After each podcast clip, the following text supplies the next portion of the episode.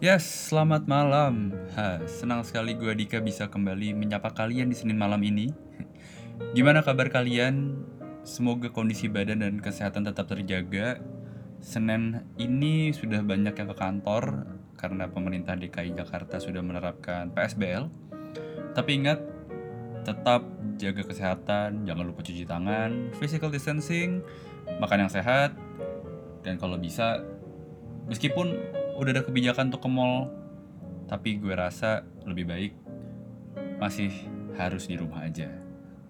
Nah, kalau lu denger ada background, well ini memang gue style biar suasana podcastnya tuh sedikit lebih seperti di cafe atau di coffee shop atau mungkin di department store ya.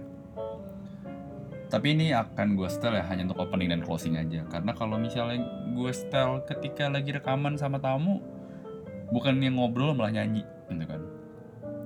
Nah sebelum gue mulai, gue ingin menyebarkan pesan saja berkaca dari apa yang sedang terjadi di Amerika Serikat. Gue nggak akan bahas tentang isu rasisme yang sedang diungkit, ataupun membahas tentang hashtag Black Lives Matter, ataupun tentang tindakan represif dari aparat kepolisian di sana gue ingin menjadikan ini sebagai satu self reminder sebagai bangsa atau warga negara Indonesia bahwa kita tuh hidup berdampingan. Banyak sahabat, teman, kolega atau tetangga kita yang berbeda suku, ras, kepercayaan, budaya, dan nilai-nilai yang dianut masing-masing. Nah, tugas kita adalah saling menghargai perbedaan, menghormatinya, saling melindungi satu sama lain, dan toleran terhadap apa yang mereka percaya. Nah, nggak ada sih siapa yang paling hebat atau siapa yang paling jelek. Semua tuh sama. Kalau ada salah satu golongan yang merasa terancam atau sedang diancam, kita harus membantu dan menjadi garda terdepan sebagai pelindung mereka dari ancaman tersebut. Nah, kasus ini seharusnya juga menjadi pelajaran buat aparat keamanan negara, khususnya kepolisian, untuk tidak bertindak melebihi dari wewenangnya. Polisi kan tugasnya memberikan rasa aman, nyaman, dan tentram kepada masyarakat sipil. Jadi jangan karena kalian menggunakan seragam jadi bisa bertindak semau kalian. Karena kan polisi itu seharusnya adalah mengabdi untuk negara sepanjang hidup, mau perannya sekecil apa pun. Kalau polisi dan masyarakat bisa saling membahu atau saling merangkul dan saling mengayomi, saling melindungi kan enak lihatnya. Nah sebenarnya di Indonesia itu juga masih ada ya isu rasisme lah. Jadi menurut gue lebih baik kita beresin dulu lah masalah SARA di Indonesia baru nanti kita bisa beri pendapat tentang isu rasisme di negara lain atau mungkin bisa menyumbangkan ide-ide bagaimana mencegah rasisme di luar sana. Karena menurut gue pribadi, apa gunanya kita ikut-ikutan Black Lives Matter atau Blackout Tuesday, tapi kita sendiri masih suka merendahkan orang lain. Nah, itulah unek-unek dari gue dan hari ini ada sahabat gue yang mau sharing tentang ayah dan ibunya. Episode kali ini akan berbeda karena episode sebelumnya kan mungkin suasananya mengharukan, sedih. Tapi episode sini tuh lebih uh, kalem, lebih cheerful karena sahabat gue ini ingin menceritakan perjuangan kedua orang tuanya selama mereka berdua mulai berkeluarga hingga detik ini. Ada banyak pesan moral yang dibungkus dalam jenaka yang membuat gue pribadi merasa bahwa sebenarnya hidup tuh bisa loh dibawa bercanda asal kita mau biar kita nggak mau biar kita tuh nggak stres-stres banget lah. Nah, seperti apa kisahnya? Selamat mendengarkan episode 15 di segmen Aku Ingin Bercerita hanya di Hello ETL.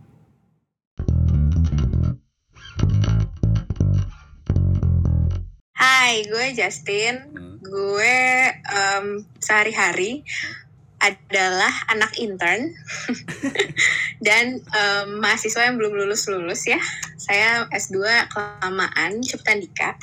Uh, gue lagi S2, hmm. lagi tesis, terus gue internship untuk yang kedua kalinya. Hmm. Dan gue tidak malu akan hal, hal tersebut, entah kenapa kayak ya udahlah gitu. Terus um, dan gue uh, tumbuh di keluarga menengah, kelas menengah, kelas pekerja ya. Bokap gue dosen, nyokap gue guru, guru SMP. Okay. Dan gue berempat bersaudara, so life is very very struggling for us. Abang gue cowok semua kebetulan, terus adik gue juga cowok. Jadi um, banyak banget hal pikir lagi laki-laki sih jadi kayak gue tipenya yang logic banget gue kayak. Apa pun yang terjadi sama hidup gue tuh pasti gue mikirnya keputusan gue adalah dia diambil dengan uh, logika gitu. Jadi kayak ya emang gue nggak terlalu sensitif orangnya. Hmm. kayak gue nggak terlalu gampang. Gue gue cengeng banget cuman itu tuh biasanya yang bikin gue marah bukan kayak gue yang tersentuh terus gue nangis gitu. Gue jarang banget kayak gitu. Ya jadi background gue kayak gitu lah dan gue sangat ekspresif. Gue kesel ya gue ngomong gitu. Kalau perkenalan diri gue Nah coba mungkin bisa di-share lu lagi intern di mana gitu sekarang. Oh oke. Jadi sebelumnya itu gue freelance, gue Oh. freelance uh, di beberapa penelitian gitu, kayak beberapa uh, institusi pemerintahan gitu bikin project apa, nah gue ikut, gue Hmm. penelitian kayak gitu. Oh. Dan itu gue sendirian sih, maksudnya nggak yang gue ikut. Kebetulan kan yang background gue kan, uh, gue lulusan antropologi, Hmm. yang mana sangat sosial gitu ya ceritanya. Hmm. Jadi kayak gue rada kaget gitu sih kayak what? Ini apa? Ini ada konsultan teknik sipil yang gue nggak tahu apa-apa gitu gue nggak ngerti apa-apa. Terus tiba-tiba gue di so- gue diajak bukan diajak gue di approach sama manajer gue untuk ayo lo mau intern nggak di sini gitu. Kita butuh orang sosial nih gitu. Karena banyak banget uh, project-project sosial sama lingkungan yang lagi hip banget sekarang kan juga lagi seksi banget nih. Kayak eh, apa namanya lahan terus konflik-konflik sosial lah istilahnya kayak gitu. Analisis-analisis sosial yang emang dibutuhin sama pembangunan infrastruktur di Indonesia saat ini gitu. Dan itu Kayak sangat gitu sih. sangat menyita waktu lo nih. Eh, sangat menyita waktu gue ya karena maksudnya gue gue sering banget jadinya ke beberapa daerah. Biasanya gue setahun tuh mungkin kayak cuma tiga kali gitu. Gue ke gue ke mana gitu. Misalnya kayak Kalimantan tiba-tiba gue disuruh ke Makassar atau ke daerah Jawa atau ke daerah Sumatera gitu atau ke daerah Maluku gitu. Itu biasanya kayak cuma paling paling banyak tuh setahun tuh tiga kali. Dan tiba-tiba gue masuk di sini gue kayak tiga minggu tuh bisa di tiga tempat yang berbeda gitu. Gue kayak what? gitu. Cuman balik tuh ngambil koper terus ya udah pergi lagi gitu. Dan itu menyita waktu gue banget. Gue sampai yang wah gila ya gue nggak di rumah gitu tapi karena ada corona ini teman-teman aku banyak menghabiskan waktu dengan orang tuaku kembali yang mana menyenangkan sih buat gue karena Hmm. akhirnya bisa ngobrol akhirnya bisa ya walaupun kita juga sehari-hari biasanya ngobrol cuman kayak intensitasnya lebih banyak aja sih Betul. jadi ada yang disyukuri ya teman-teman bisa Betul. berkumpul dengan keluarga Betul. Jadi di rumah aja itu bener ya. iya itu kayak it- ada positifnya buat gue kayak ya udah gue akhirnya bisa nggak juga sih kemarin tuh sempat muay thai cuman kan nggak boleh keluar rumah kan akhirnya gue stop dulu Hmm. terus ya gue jadi bisa bikin puding, gue bisa ngobrol sama adik gue, gue bisa ngobrol sama orang-orang di rumah gitu, gue bisa dengerin nyokap gue curhatin muridnya kenapa yang kayak gitu-gitu sih. Oke Tin. Jadi apa nih yang pengen lo share ke teman-teman di luar sana? Ya sebenarnya sih ini bukan cerita yang kayak mengharukan atau Hmm. gue gue cerita yang buat gue sendiri sih sebenarnya ini cerita tuh biasa aja gitu. Cuman ada beberapa orang yang akhirnya kayak eh gila ya lo perjuangan hidup lo ternyata segitu banyaknya ya gitu. Terus eh, padahal gue gak ngerasa kayak gitu gitu biasa aja juga gitu kan yang namanya Hmm. keluarga dari kelas menengah kayak lo nyokap bokap gue struggling dari gue kecil banget gitu kan ya Hmm. kayak yang mau gue ceritain adalah sebenarnya struggle-nya nyokap bokap gue sih kayak Oke. mereka mereka tuh luar biasa banget sih. Dan sangat berpengaruh buat diri gue yang menurut gue sangat mandiri sekarang. Maksudnya bukan mandiri secara ekonomik juga doang tapi maksudnya kayak gue tuh ke mana-mana sendiri segala macam gitu. Nah itu tuh karena menurut gue gue ngelihat bokap bokap bokap nyokap gue tuh emang hidupnya tuh struggle gitu. Kayak bokap gue tuh dulu sebelum jadi dosen tuh kayak sempet gonta-ganti kerjaan terus eh, dia tuh pernah cerita dan ini menurut gue kayak "Ah, anjir gitu jadi dulu waktu zaman zaman dulu banget ya abang gue baru umur setahun kalau nggak salah Hmm. dia tuh cuma punya dia cuma digaji tuh kayak 50 perak gitu Hah? terus 50 perak? dia kerja jadi 50 perak kayak zaman dulu gitu loh di kayak Oh, ya ya emang sebelum inflasi dan segala macam itu loh gue nggak ngerti ya tuh ya perekonomian lagi segimana cuma maksudnya emang cuma segitu doang digaji Hmm. kalau nggak salah kayak 50 apa ya pokoknya kecil banget gitu lah Terus? itu nggak nggak cukup buat beli susu abang gue waktu abang gue masih setahun terus dia kayak bingung gitu yang hmm. eh tuh sempet bingung gitu kak di toko susu ini gimana ya nggak cukup nih buat beli Hmm. dua dua kaleng kalau nggak salah karena Hmm. abang gue gendut banget dulu jadi kayak minum susunya banyak banget Terus kayak udah akhirnya dia dengan sedih hati cuma bisa beli satu terus kayak gue yang terus ada lagi kayak dia sempat jadi dia cuma punya uang lima ribu Heeh. eh, buat makan siang nih terus habis itu dia ternyata makan siang karena dulu kan kayak bukan marketing apa sih kayak sales gitu lah bokap gue dulu sempat Hmm. jadi salesnya betadine Wow, oke. terus eh ya jadi kayak dia keliling-keliling gitu kan kayak keliling-keliling rumah sakit Ah. keliling-keliling klinik yang kayak gitu-gitu terus Hmm. dia cerita dia cerita tuh ketawa-ketawa terus gue kayak ini sebenarnya nggak lucu sih cuman ini sebenarnya sedih sih cuman gue karena bokap gue ketawa-tawa jadi gue jadi ikut ketawa kan Heeh. kayak dia bilang eh, dia makan siang terus cuma punya uang lima ribu Hmm. saat itu tuh lima ribu tuh bisa buat beli satu mangkok eh, mie Oke. mie apa sih mie, mie Jawa gitu loh di camp Iya. mie yang di pinggiran gitu kayak bayangin ya Hmm. kita fresh graduate nih Iya, iya. terus berada dalam posisi kayak gitu ngerti gak sih kayak lo gaji lo kecil banget terus lo struggling kayak gitu Oh. terus karena lo nggak enak lo makan sendiri karena lo berdua sama temen lo nih keliling Hmm. abis jualan-jualan segala macam ternyata juga belum kejual tuh barang Hmm. terus lo harus makan siang karena lo berdua sama temen lo Hmm. mau nggak mau satu mangkok yang harga lima ribu itu lo bagi dua sama temen lo terus gue kayak seperjuangan itu loh bokap gue kayak gitu lah terus kayak Betul. dia tuh sampai sekarang nih bahkan kayak itu suka banget naik motor gue nggak ngerti ya maksudnya Hmm. kita alhamdulillah udah ada mobil nih dulu tuh kayak gue tuh yang gimana ya orang-orang kayak zaman kayak gue SMP SMA gitu kan semua orang kayak udah, udah pada pakai mobil kan terus gue Ya. kayak ih kenapa sih gue nggak pakai mobil? Gitu. Karena ternyata emang nyokap bokap gue menginvestasikan seluruh uangnya buat ya kita berempat gitu kan. Kayak Oh. buat sekolah buat segala macam buat les lalala segala macam gitu. Iya. terus sekarang kita udah akhirnya mampu lah nih punya mobil gitu. Terus bokap gue tuh nggak tahu kenapa tetap aja maunya tuh naik motor gitu loh. Kayak udah terbiasa gitu. Gue nggak ngerti. Kayak menurut dia tuh ini tuh macet. Padahal kayak umurnya sekarang udah 60-an yang menurut gue juga mata matanya pun udah yang udah Iya. nggak terlalu awas gitu kan. Iya, tapi masih mau janu-janu naik motor. Hmm. itu yang menurut gue cerita-cerita yang akhirnya membuat diri gue sendiri di shit man. Ini tuh perjuangannya udah banget loh dari gue kecil sampai sekarang. Bahkan sampai sekarang tuh kadang-kadang itu suka yang eh, apa namanya eh belum gajian nih gitu kan belum ada gajian tapi lu mesti bayar listrik lah atau mesti bayar apa lah gitu Terus bokap gue kan emang jualan madu kan jadi kayak tar dulu deh jualan madu ke sini dulu nih ayah mau eh, ngirim madu ke sini dulu nih baru Hmm. ada uang yang kayak gitu-gitu gue kayak Hmm. anjir gue sampai umur segini aja Hah? bokap nyokap gue tuh masih se-struggle itu secara Hmm. ekonomi gitu kan Hmm. gue kayak masih kadang-kadang anjir malu banget nih gitu gue masih internship gaji gue kecil yang kayak gitu-gitu kan cuman mereka tuh selalu yang ya udahlah nggak apa-apa gitu. Ah, yang penting lo tetap bisa sekolah lo tetap bisa ngelarin sekolah lo sekarang lo masih bisa em, berangkat buat kerja yang kayak gitu-gitu. Iya, iya benar. terus nyokap eh itu bokap gue ya dia Hmm. dia tuh salah satu salah satu the funniest guy on earth menurut gue. Karena dia tuh konyol banget.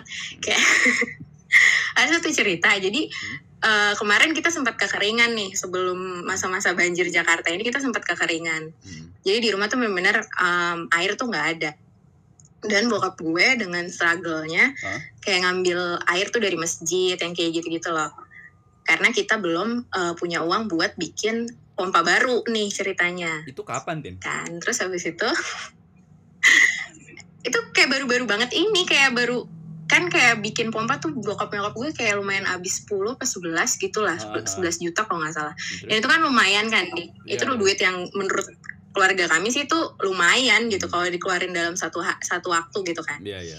terus eh, akhirnya bokap gue ya udah deh eh, ngambil dari masjid dulu gitu ngambil dari masjid dari tetangga gitu gitu terus Hmm. suatu hari dia tuh kayak dia malu nih kan kenapa nih eh, Pak Yudis ke masjid mulu gitu Hmm. Dalam maksudnya dalam bukan yang kayak jam-jamnya ke masjid gitu kayak jam 10 pagi kayak gitu kan ngapain kan? Kayak lu kalau duha ya di rumah gitu kan. Hmm. terus dia bawa baju kantor dong ke masjid terus dia mandi di masjid karena di rumah kan gak ada air. Oh. dia mandi di masjid terus dia keluar. Dia keluar tuh pakai baju kantor ngerti gak lo?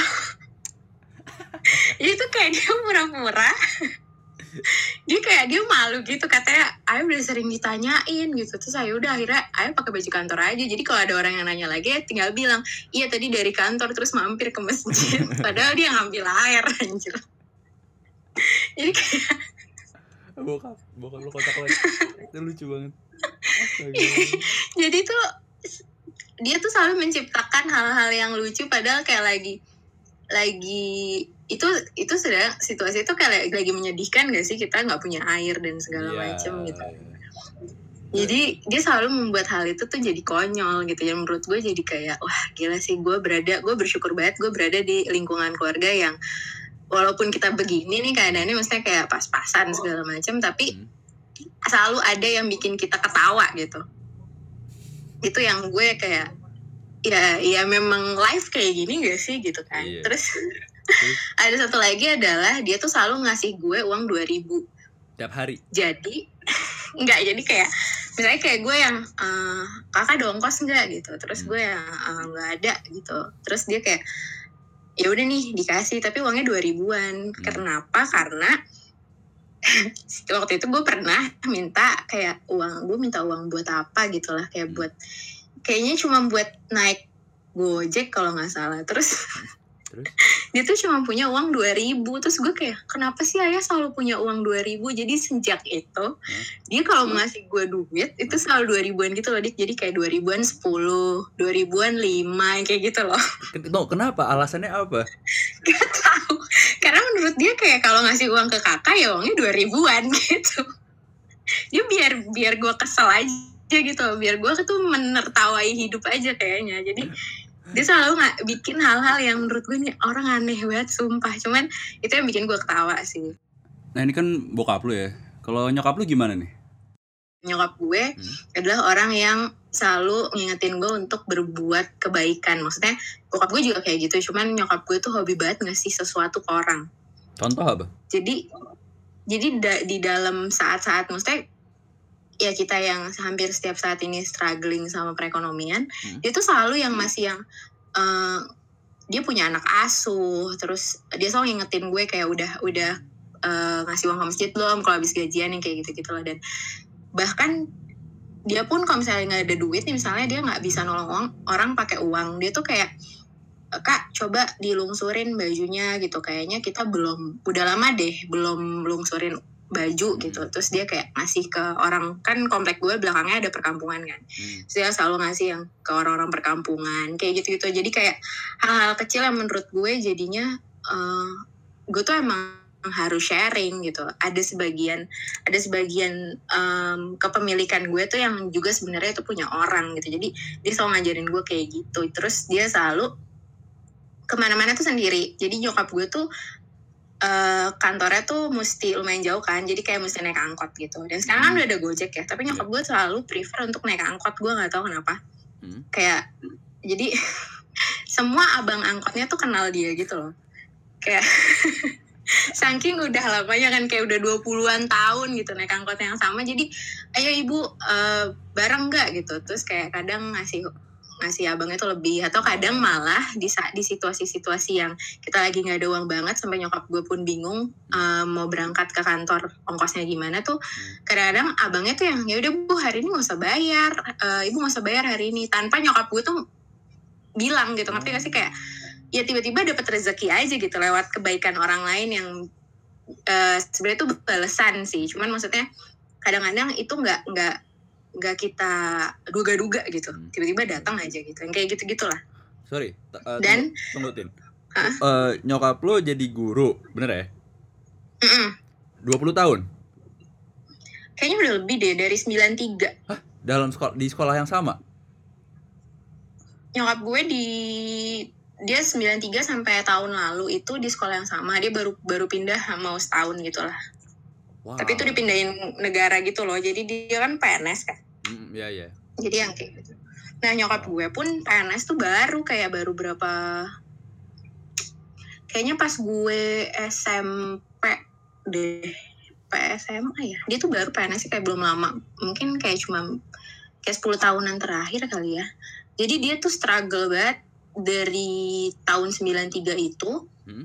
dia eh, guru honorer gitu loh dia kalau tahu lah Oh, guru honorer gajinya tuh kecil banget Hmm. kan Hmm. dan itu dia struggle banget untuk jadi PNS ya makanya kayak sekarang tuh udah bersyukur banget Hmm. things gets better gitu karena ya nyokap gue udah lumayan terus bokap gue kan uh, udah lumayan juga kan maksudnya kayak dia sering project-project dosen segala macam Hmm. dulu waktu kita kecil tuh bener yang struggling banget lah jadi kayak gue uh, gimana ya gue sama temen gue kalau gue bandingin sama hidup gue sama temen-temen gue tuh kayak kalau temen-temen gue udah ngeluh yang anjir gue gak punya duit nih uh, gue jadi nggak bisa makan ke sini atau Hmm. apa atau apa gue tuh kayak yang men lu tuh harusnya bersyukur gitu karena lu berada di situasi yang lebih enak dari gue lah kayak gitu kayak Hmm. gue selalu kayak gitu makanya kalau ada temen gue yang ngeluh soal duit gue pasti yang ingat lu tuh dikasih loh maksudnya lu masih bisa makan lu masih punya atap lu masih punya keluarga gitu. Hmm. yang eh, gue juga pernah dulu kayak saking kita kan ini juga gue di rumah rumah nenek gue kan sebenarnya. Jadi dulu kita punya rumah. Iya. cuman eh, kita pindah ke Jakarta dulu gue di Tangerang terus akhirnya rumah di Tangerang dijual gitu karena kita harus ngurus kakek nenek gue gitu. Dan kakek nenek gue pun udah kayak ini rumah kalian gitu. Nah itu dulu kita sempat ada konflik keluarga gitulah terus nyokap gue yang udahlah kita cabut aja gitu. Akhirnya cabut terus gue mau kontrak di kontrakan di kayak kontrakan petak tuh gak sih loh dengan Oh. orang yang gue berempat gue berenam gitu. Hmm. di kontrakan Petak. petak. Itu gue kayak anjir. Itu gue SMA itu gue SMA gue inget banget. Gue yang anjir hidup gue hancur banget. Gue sampai malu ngerti gue sampai malu bener-bener yang wah gue gak mau nih misalnya nyokap eh, temen gue tuh su- su- suka kan kayak "Eh, tin ke rumah lu ya hari ini gitu kita gantian gitu terus gue kayak sampai yang nggak deh nggak di rumah gue dulu karena gue semalu itu ngerti Iya, nggak iya. kayak gue semalu itu untuk mengakui gue tinggal di petakan yang gue yang ya untuk gue nggak tahu sih gue mungkin kalau misalnya gue bilang anjir hidup gue berat banget nggak juga Hmm. karena banyak banget yang di bawah gue juga masih banyak banget gitu kan cuman Hmm. Di saat itu tuh gue gue belum bisa menerima ngerti gak sih? Kayak lu anak Ya. SMA saat-saatnya lu main ke mana-mana lu punya duit buat lu habisin gitu. Benar. tapi ternyata yang gue hadepin adalah anjir gue harus gue harus ngontrak gitu. Terus gue kayak wah men gitu. Itu sebuah sebuah cobaan sih. Banyak sih cuma ya itu yang gue hadepin. Bokap bokap gue pun selalu ngajarin lu tuh nggak boleh terus-terusan lihat ke atas nggak boleh terus-terusan ngelihat temen-temen lo yang udah chief sana sini Hmm. udah punya duit segala macam gitu tapi ternyata hidupnya nggak sebahagia itu gitu lo harus mengakui bahwa orang-orang di bawah lo juga banyak yang Hmm. hidupnya ngepas atau orang-orang yang standarnya sama sama lo hidupnya sama kayak lo Hmm. tapi mereka happy happy aja gitu ini tuh kayak mereka selalu ngajarin ini tuh cara lo menerima hidup aja sebenarnya Hmm. Iya iya benar. cara lo menerima hidup itu yang yang bikin diri lo itu yang gue yang wah gila men gue Gila. banyak banget loh gitu pelajaran yang bisa gue ambil dari nyokap bokap gue gitu dan alhamdulillahnya adalah Hmm. abang-abang gue pun Hmm. tipenya kayak gue yang kayak Hmm. ya karena mungkin kita di, di- di- kayak gitu kali ya jadi Hmm. apa sih lo yang kayak gitu aja lo, lo ributin gitu lo Ya. cemen banget kalau misalnya lo masih lo masih bisa makan lo masih punya rumah buat tidur Hmm. lo masih punya ongkos buat eh, besok ke sekolah atau besok lo kerja Hmm. ya lo masih bisa hidup tandanya gitu Nah tapi dari apa yang telah lo lihat ya dari kedua orang tua lo, sifat apa sih yang paling lo teladanin? yang paling gue teladanin adalah lo nggak boleh Hmm? eh, bergantung sama orang lain. Kalau bokap gue ngajarin banget buat kita tuh nggak boleh banget ngutang. Gak boleh banget ngutang. Ya sih kayak pakai kredit card Oke. atau eh, pinjem kelamaan ke bank kayak gitu. Jadi apa sesuatu Hmm. lo harus bayar utang lo gitu. Lo nggak apa-apa nih ngutang, cuma kayak lo nggak boleh kelamaan bayarnya. Kayak lo harus eh, mempertanggungjawabkan apa yang lo jalanin sih. Dari dari dia ngaj- mereka ngajarin gue untuk tidak berhutang adalah apa yang lo ambil tuh lo tanggung jawab gitu. Paham gak lo? Ya paham paham. Gue paham. Gue paham. Gue paham. Gue paham. Kayak kayak misalnya lo misalnya lo ngambil kredit nih, Ya. lo ngambil kredit, Ah. ya lo bisa bayar apa enggak gitu. Kalau lo nggak bisa bayar ya jangan ngambil gitu. Ya. Kalau lo kalau lo mau minjem sama orang, besok lo udah harus bisa bayar. Hmm. Jadi kayak ya lo harus bertanggung jawab sama apa yang lo lakuin. Jadi kayak gue selalu diajarin kayak gitu sih. Terus ya itu gue nggak boleh bergantung sama orang. Gue harus bisa mandiri. Gue dari SD tuh naik angkot btw. Wow. Gue nggak pernah. Gue selalu naik kendaraan umum sampai sekarang. Jadi kayak gue nggak pernah tuh yang jemput dong, nyeng kayak gitu gue nggak pernah karena memang diajarin lu bisa Hmm. lu mampu lu tahu Hmm. situasi di jalan ya lu harus mandiri gitu. jadi gue mau ke Bekasi mau ke Bogor ya gue sendiri gitu Hmm. dan itu yang dari hal-hal kecil itu sih gue yang oh ya nih emang gue nggak bisa eh, bergantung sama orang lain Hmm. gitu sih Oke, terus dengan latar belakang bokap yang dosen, nyokap juga guru, apakah ini menginspirasi lo juga untuk mengambil S2, Tin? eh jadi emang dari dulu tuh gue sempet ditanya dulu gue mau IPA Oke. terus karena gue takut sama boneka bayi nyokap gue bilang kak nanti kamu pasti belajar soal bayi gitu. Kamu sanggup nggak? Gue mikir dong anjir gak bisa nih gue padahal sebenarnya cita-cita gue tuh kayak ya kalau gue IPA gue harus dokter gitu gue nggak mikir tuh dik ada yang namanya teknik apa Hmm. eh, apa sih ya psikologi atau Ya, apa yang kayak hmm. gitu tuh gue agak kepikiran kan ya emang anak SMA gue Hmm. mikir pokoknya IPA eh, dokter gitu Hmm. tapi ternyata eh, gue nggak mampu nih menghadapi tanggung jawab gue harus tanggung jawab nih nanti kalau gue ambil dokter gue harus berani untuk Hmm. ngadepin boneka bayi ternyata gue nggak berani kan Hmm. Ya udah deh gak jadi. Gue IPS aja. Itu gue IPS tapi nyokap gue nanya kamu mau jadi apa? Gue bingung dong. Hmm. Hmm. anjir anak SMA gitu kan. Wah gue jawab aja. Ya udah kayak ayah aja lah. Kayaknya enak jadi dosen gitu.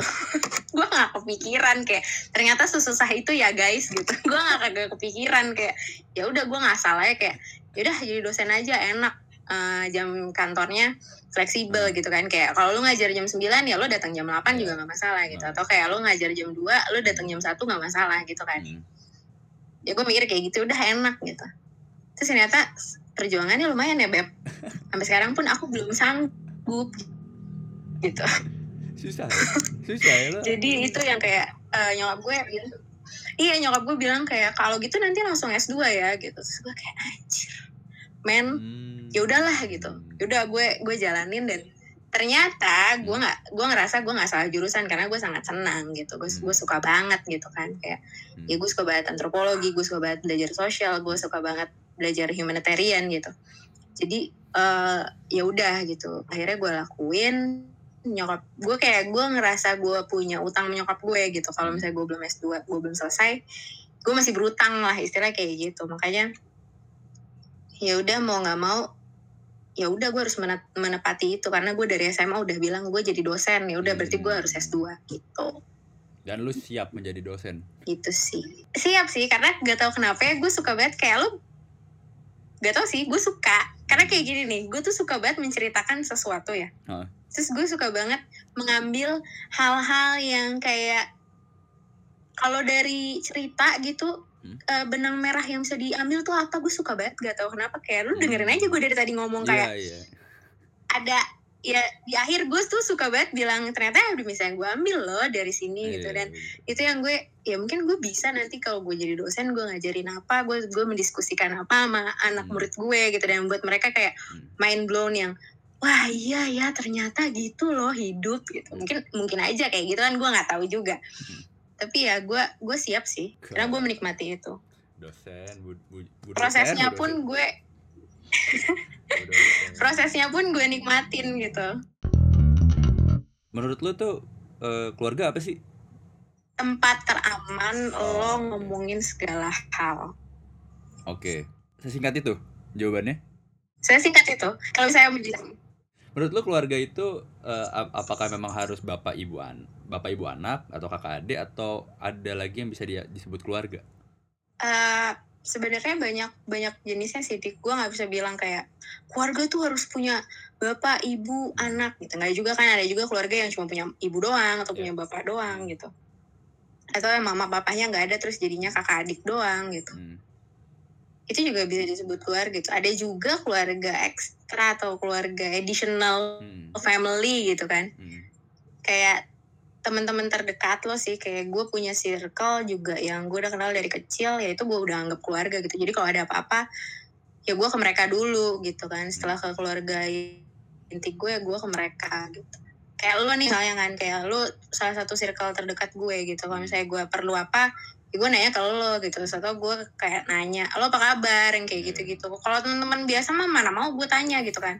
Iya. itu karena gue ngerasa ya eh, ikatannya ya udah lebih dari cuman temen doang gitu kayak atau ikatannya ya udah lebih lebih lebih dalam lah dibanding kita cuman hang out hahihi bye gitu nggak nggak nggak gitu gitu. Kayak gue nanya lo gimana? gitu kuliah lo gimana? gitu sekarang lo ngapain? kayak gitu gitu kan. Wah gimana buku lo? kayak gitu gitu sih. Jadi lebih lebih lebih ke sana. Karena bondnya menurut gue lebih lebih dalam lah. Nah, lo kan tadi sudah bercerita nih. Nah, boleh nggak lo kasih pesan kepada mereka yang akan mendengarkan episode hari ini? pesan gue adalah kalau lo terlalu serius sama hidup lo lo nggak bisa ngambil secah ser apa Secercah. secercah kebahagiaan ya itu kalau lu terlalu mikirin nih anjir gaji gue masih segini teman gue udah Hmm. jadi manajer Hmm. anjir gue belum lulus anjir gue gini gitu ya lo nggak akan senang cuy lo nggak lo nggak akan ngetawain hal-hal remeh tuh jadinya lu apaan sih remeh gitu. padahal itu bisa diketawain dan bisa bikin lu kan bisa bikin lu seneng gitu jadi Hmm. hargai hal-hal kecil di sekitar lo jangan ngelihat lo belum menggapai apa gitu tapi apa proses apa yang udah lo dapet dan eh, orang-orang di sekitar lo tuh tahu lo tuh sebenarnya seberjuang itu jadi hargain mereka juga gitu yang udah support lo selama ini Oke, spesifik. Pertanyaan spesifik. Pesan lo buat Em, anak-anak atau sekitar nih ya yang mempunyai masalah dalam keluarga deh. Kan kita punya banyak sahabat yang eh, keluarganya nyokapnya udah nggak ada atau ada aja yang bercerai gitu loh dan most of them struggle lah untuk meng, apa mempu- dalam fase itu tuh mereka bermasalah gitu dan outcome-nya beda-beda. Hmm. Lo punya pesan Hmm. apa buat mereka? Buat gue dari gue adalah ini ini basi banget sih cuman menurut gue ini paling bener ya Hmm. semua keluarga tuh pasti ada masalahnya kan ya nggak sih Iya. setuju dong Setuju. Eh, cuman yang jadi masalah adalah bagaimana lo handle-nya. Hmm. Kalau lo punya masalah misalnya sama bokap lo atau sama nyokap lo gitu. Kenapa lo nggak ajak ngobrol? Kenapa sih lo langsung resisten yang ini semua gara-gara dia nih, ini semua gara-gara dia nih. Kenapa lo nggak buka diskusi untuk akhirnya menyelesaikan permasalahan itu gitu. Hmm. Kalau nyokap bokap lo nggak bisa diajak ngomong, ya it's not your problem anymore gitu. Jadi itu Hmm. bukan masalah lo sih. Jadi jangan take it as your as a problem gitu Hmm. ya kalau misalnya memang nggak bisa diajak ngomong nggak bisa diselesain ya memang udah begitu adanya Hmm. buat gue sih itu ya kayak it it is like accepting yourself gitu accepting your problem bahwa oke ini problem gue Hmm. punya masalah sama nyokap gue gue punya masalah sama adik kakak gue yang gue nggak bisa selesain ya udah let it go buat gue gitu sih Hmm. let it go sampai ketika akhirnya dua apa dua pihak ini lo sama orang itu lo sama bokap lo nyokap lo atau adik kakak lo Hmm. bisa ngobrol Hmm. bisa diskusi bisa menyelesaikan dengan baik Hmm. bisa bisa ketemu jalan tengahnya Hmm. Itu baru lo selesain karena lo nggak bisa maksain sesuatu lo nggak bisa apalagi orang ya Hmm. lo nggak bisa maksain orang untuk ngikutin apa yang lo mau Oke. jadi lo sementara sementara problem lo belum bisa selesai lo accept it as yourself gitu lo lo terima itu sebagai bagian dari diri lo Hmm. hingga pada waktunya akhirnya lo bisa diskusi bisa selesaiin masalahnya Hmm. ya udah gitu karena lo nggak bisa maksain lo nggak bisa pokoknya harus selesai sekarang harus selesai bulan depan tahun depan gue udah harus nyok ngomong sama nyokap bokap gue keluarga gue udah harus harmonis nggak bisa kayak gitu men Hmm. Ya, ya, ya. karena nggak semua orang sejalan pikiran sama lo gitu Oke. nggak semua orang juga nerima bahwa masalah ini tuh misalnya bisa aja kayak nyokap lo masih dongkol nih ah nggak mau gue kesel banget sama anak gue gitu kan Hmm. bisa aja kan Iya. Tapi mungkin di di beberapa tahun berikutnya atau beberapa bulan berikutnya dia udah oke udah tenang udah yaudah deh yuk kita ngobrol yuk gitu. Hmm. ya jadi bisa selesai gitu. Karena kalau lu push orang terus ya orang makin de- defensif makin tutup makin gak mau ngomong gitu. Jadi buat apa kan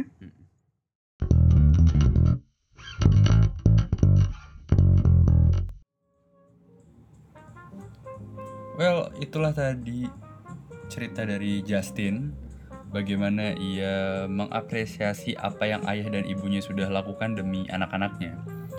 Melewati perjalanan hidup yang gak gampang contohnya kayak mandi di masjid gitu ya. Atau juga bingung bagaimana harus membelikan susu buat anak pertamanya atau abangnya Justin lah, ketika abangnya Justin masih kecil. Gue salut bagaimana Justin bisa mengambil sisi positif dari perjuangan kedua orang tuanya. Alih-alih menyalahkan keadaan masa lalu yang membawa keluarga itu di titik saat ini. Nah, semoga apa yang Justin ceritakan bisa juga menjadi inspirasi buat kita semua untuk bercerita tentang apa yang membuat kita bangga dengan orang tua kita sendiri. Mungkin pesan dari gue adalah, ya meskipun kita sebagai anak banyak gak setuju ya sama orang tua, tapi mana ada sih orang tua yang gak berusaha membahagiakan anaknya? Pasti mereka berusaha keras untuk membuat kita senang dan nyaman serta aman kalau di rumah dan juga untuk masa depan kita. Well, terima kasih yang sudah mendengarkan episode 15 ini.